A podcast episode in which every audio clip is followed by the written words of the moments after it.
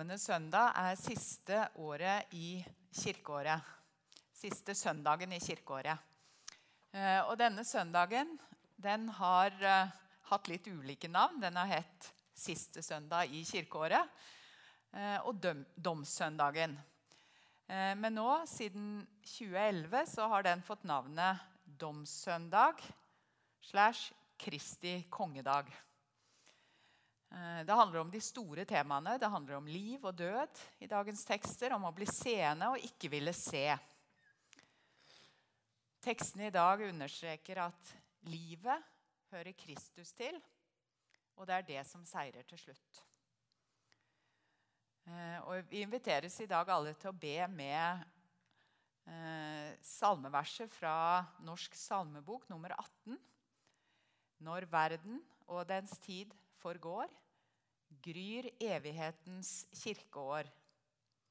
O Herre, la oss finne vei til lys og evig liv hos deg. Når det gjelder lesetekstene, så er det en gammeltestamentlig tekst fra 5. Mosebok, kapittel 30. Og den setter opp to alternativ. Den setter opp to eksistensielle valg på en måte som gjør tydelig hva som er det gode valget. Eh, og jeg skal ikke lese hele teksten, men I vers 15 står det Se, i dag har jeg lagt fram for deg livet og det gode, døden og det onde. Og i vers 19 Jeg har lagt fram for deg liv og død, velsignelse og forbannelse. Velg da livet, så skal du og dine etterkommere få leve. Epistelteksten den er hentet fra 1. Korinterbrev, kapittel 15. Og Der understrekes det at gjennom sin død og oppstandelse så har Kristus seiret over døden. Når slutten kommer, overgir han riket til Gud etter at han har tilintetgjort alle makter som står Gud imot. Arché, exusia, dynamis. Makt, myndighet, kraft Eh, og disse begrepene er ofte brukt om overnaturlige makter. Så lenge synden har makt, er døden der som syndens lønn. Men når alt som står Gud imot, er nedkjempet, så har døden ikke lenger noen oppgave. Og den skal tilintetgjøres som den siste fiende. Og til slutt underlegger Kristus seg selv under Gud Faderen. Og det siteres fra Salme 8,7.: Gud skal være alt i alle. Søndagens prekentekst den består kun av tre vers. Eh, nemlig avslutningen på den lange og relativt detaljerte fortellingen i Johannes 9 om mannen som var født blind, men som Jesus gjør seende.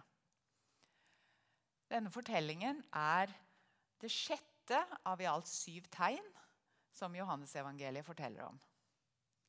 Og Disse tegnene er handlinger som avslører noe om hvem Jesus egentlig er.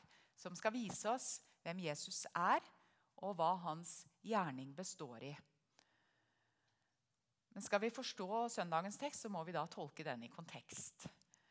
Eh, men vi kan eh, først lese disse tre versene. Da sa Jesus til dom er jeg kommet til denne verden. Så de som ikke ser, skal bli seende, og de som ser, skal bli blinde. Noen av fariseerne som sto der, hørte dette og sa til ham, Kanskje vi også er blinde? Jesus svarte, Var dere blinde, hadde dere ingen synd. Men nå sier dere, Vi ser. Derfor blir deres synd stående. Denne Fortellingen i kapittel 9 den starter med at Jesus og disiplene er på vei ut av tempelet etter en ganske opphetet diskusjon med fariseerne.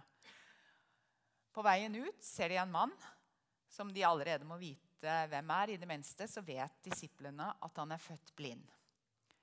Og Disiplene spør så Jesus eh, dette spørsmålet som dere sikkert kjenner godt til. Rabbi, hvem er det som har syndet? Han selv eller hans foreldre?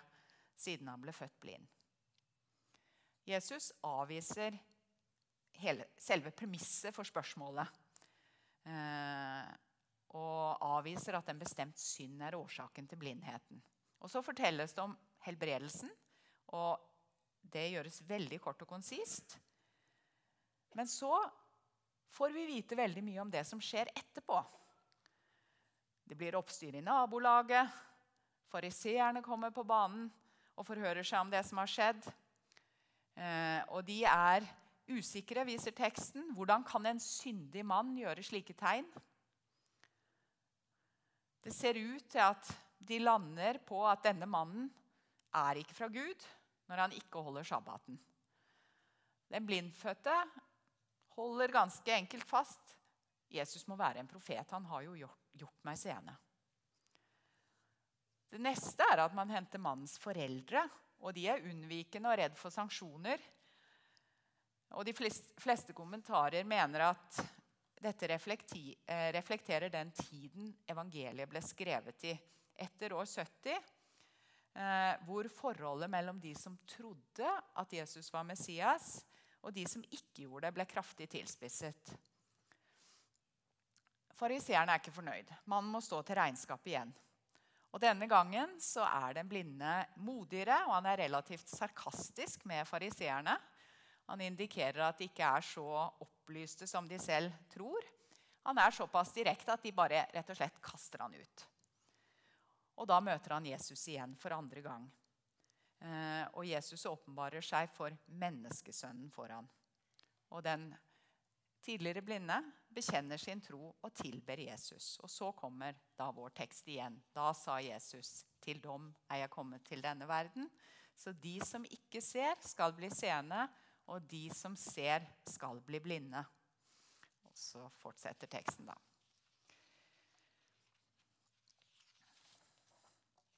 I dette er den siste scenen i denne fortellingen. og Her møter altså Jesus fariseerne og avsier sin dom. De som ikke ser, skal bli seende, og de som ser, skal bli blinde.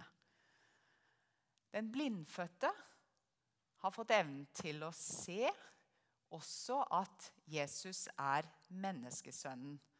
Som det, som det fremstilles som oppfyllelsen av Daniel 7, 13. Jesus er det sanne mennesket som Gud har gitt fullmakt til å holde dom over verden.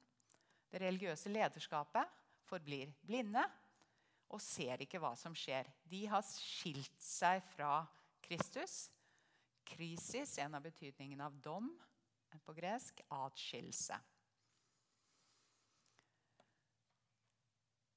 Det som vi møter her, reflekterer jo også den tiden Johannes-evangeliet ble skrevet i. De som tilhørte synagogen, så ikke Jesus som den som Gud hadde sendt.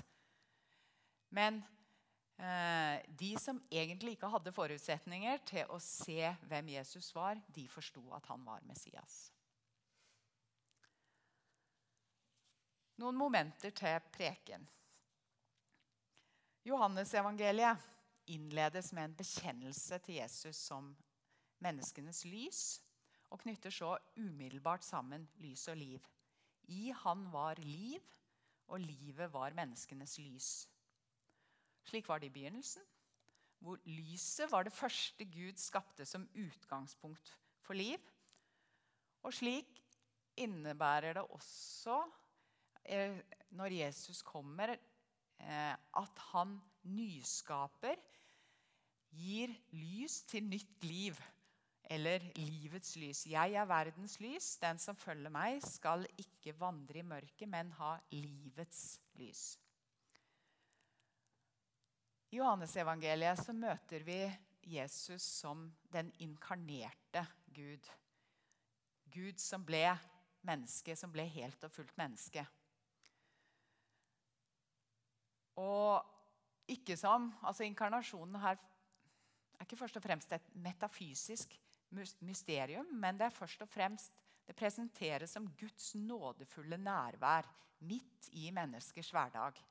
Og alle de syv tegnfortellingene i Johannesevangeliet eh, understreker dette. De lar oss se hva det innebærer for mennesker å møte den inkarnerte. De løses fra nød, skyld, skam, og de settes inn i livets gode sammenheng. Når fortellingene også fremstilles som tegn, så er det fordi at Johannes er overbevist om at det som skjedde der og da, det har en betydning utover den enkeltstående hendelsen.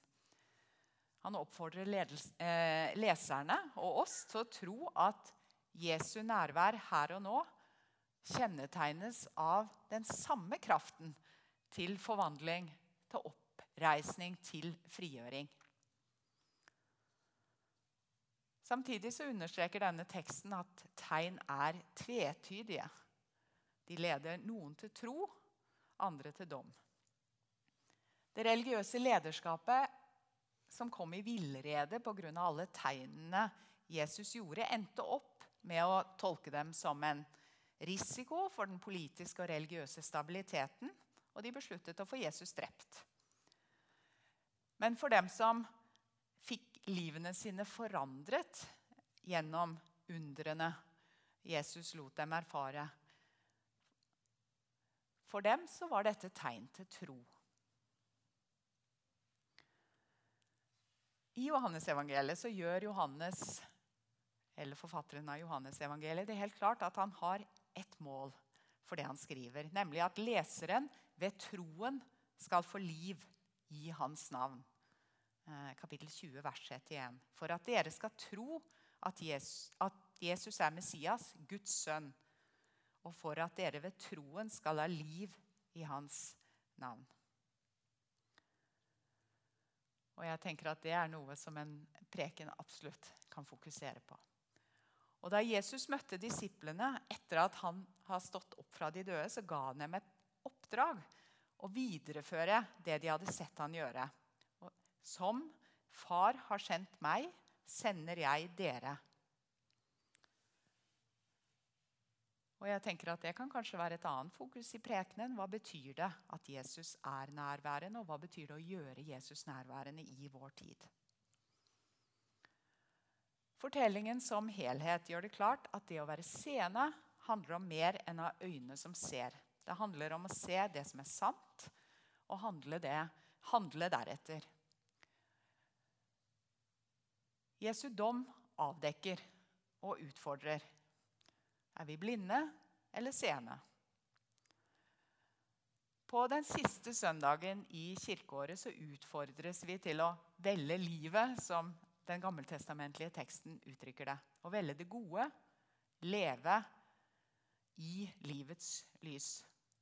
Ta imot i tro livet fra Gud. La oss be dagens bønn. Hellige Gud, du bor i det høye og hellige, og hos den som er knust og nedbøyd i ånden. Vi ber deg, gjør oss våkne så vi gjenkjenner deg i alle som lider. Se i nåde til oss på dommens dag, så vi kan komme inn til festen og gleden i ditt rike ved vår Frelser Jesus Kristus, som med deg og Den hellige ånd lever og råder.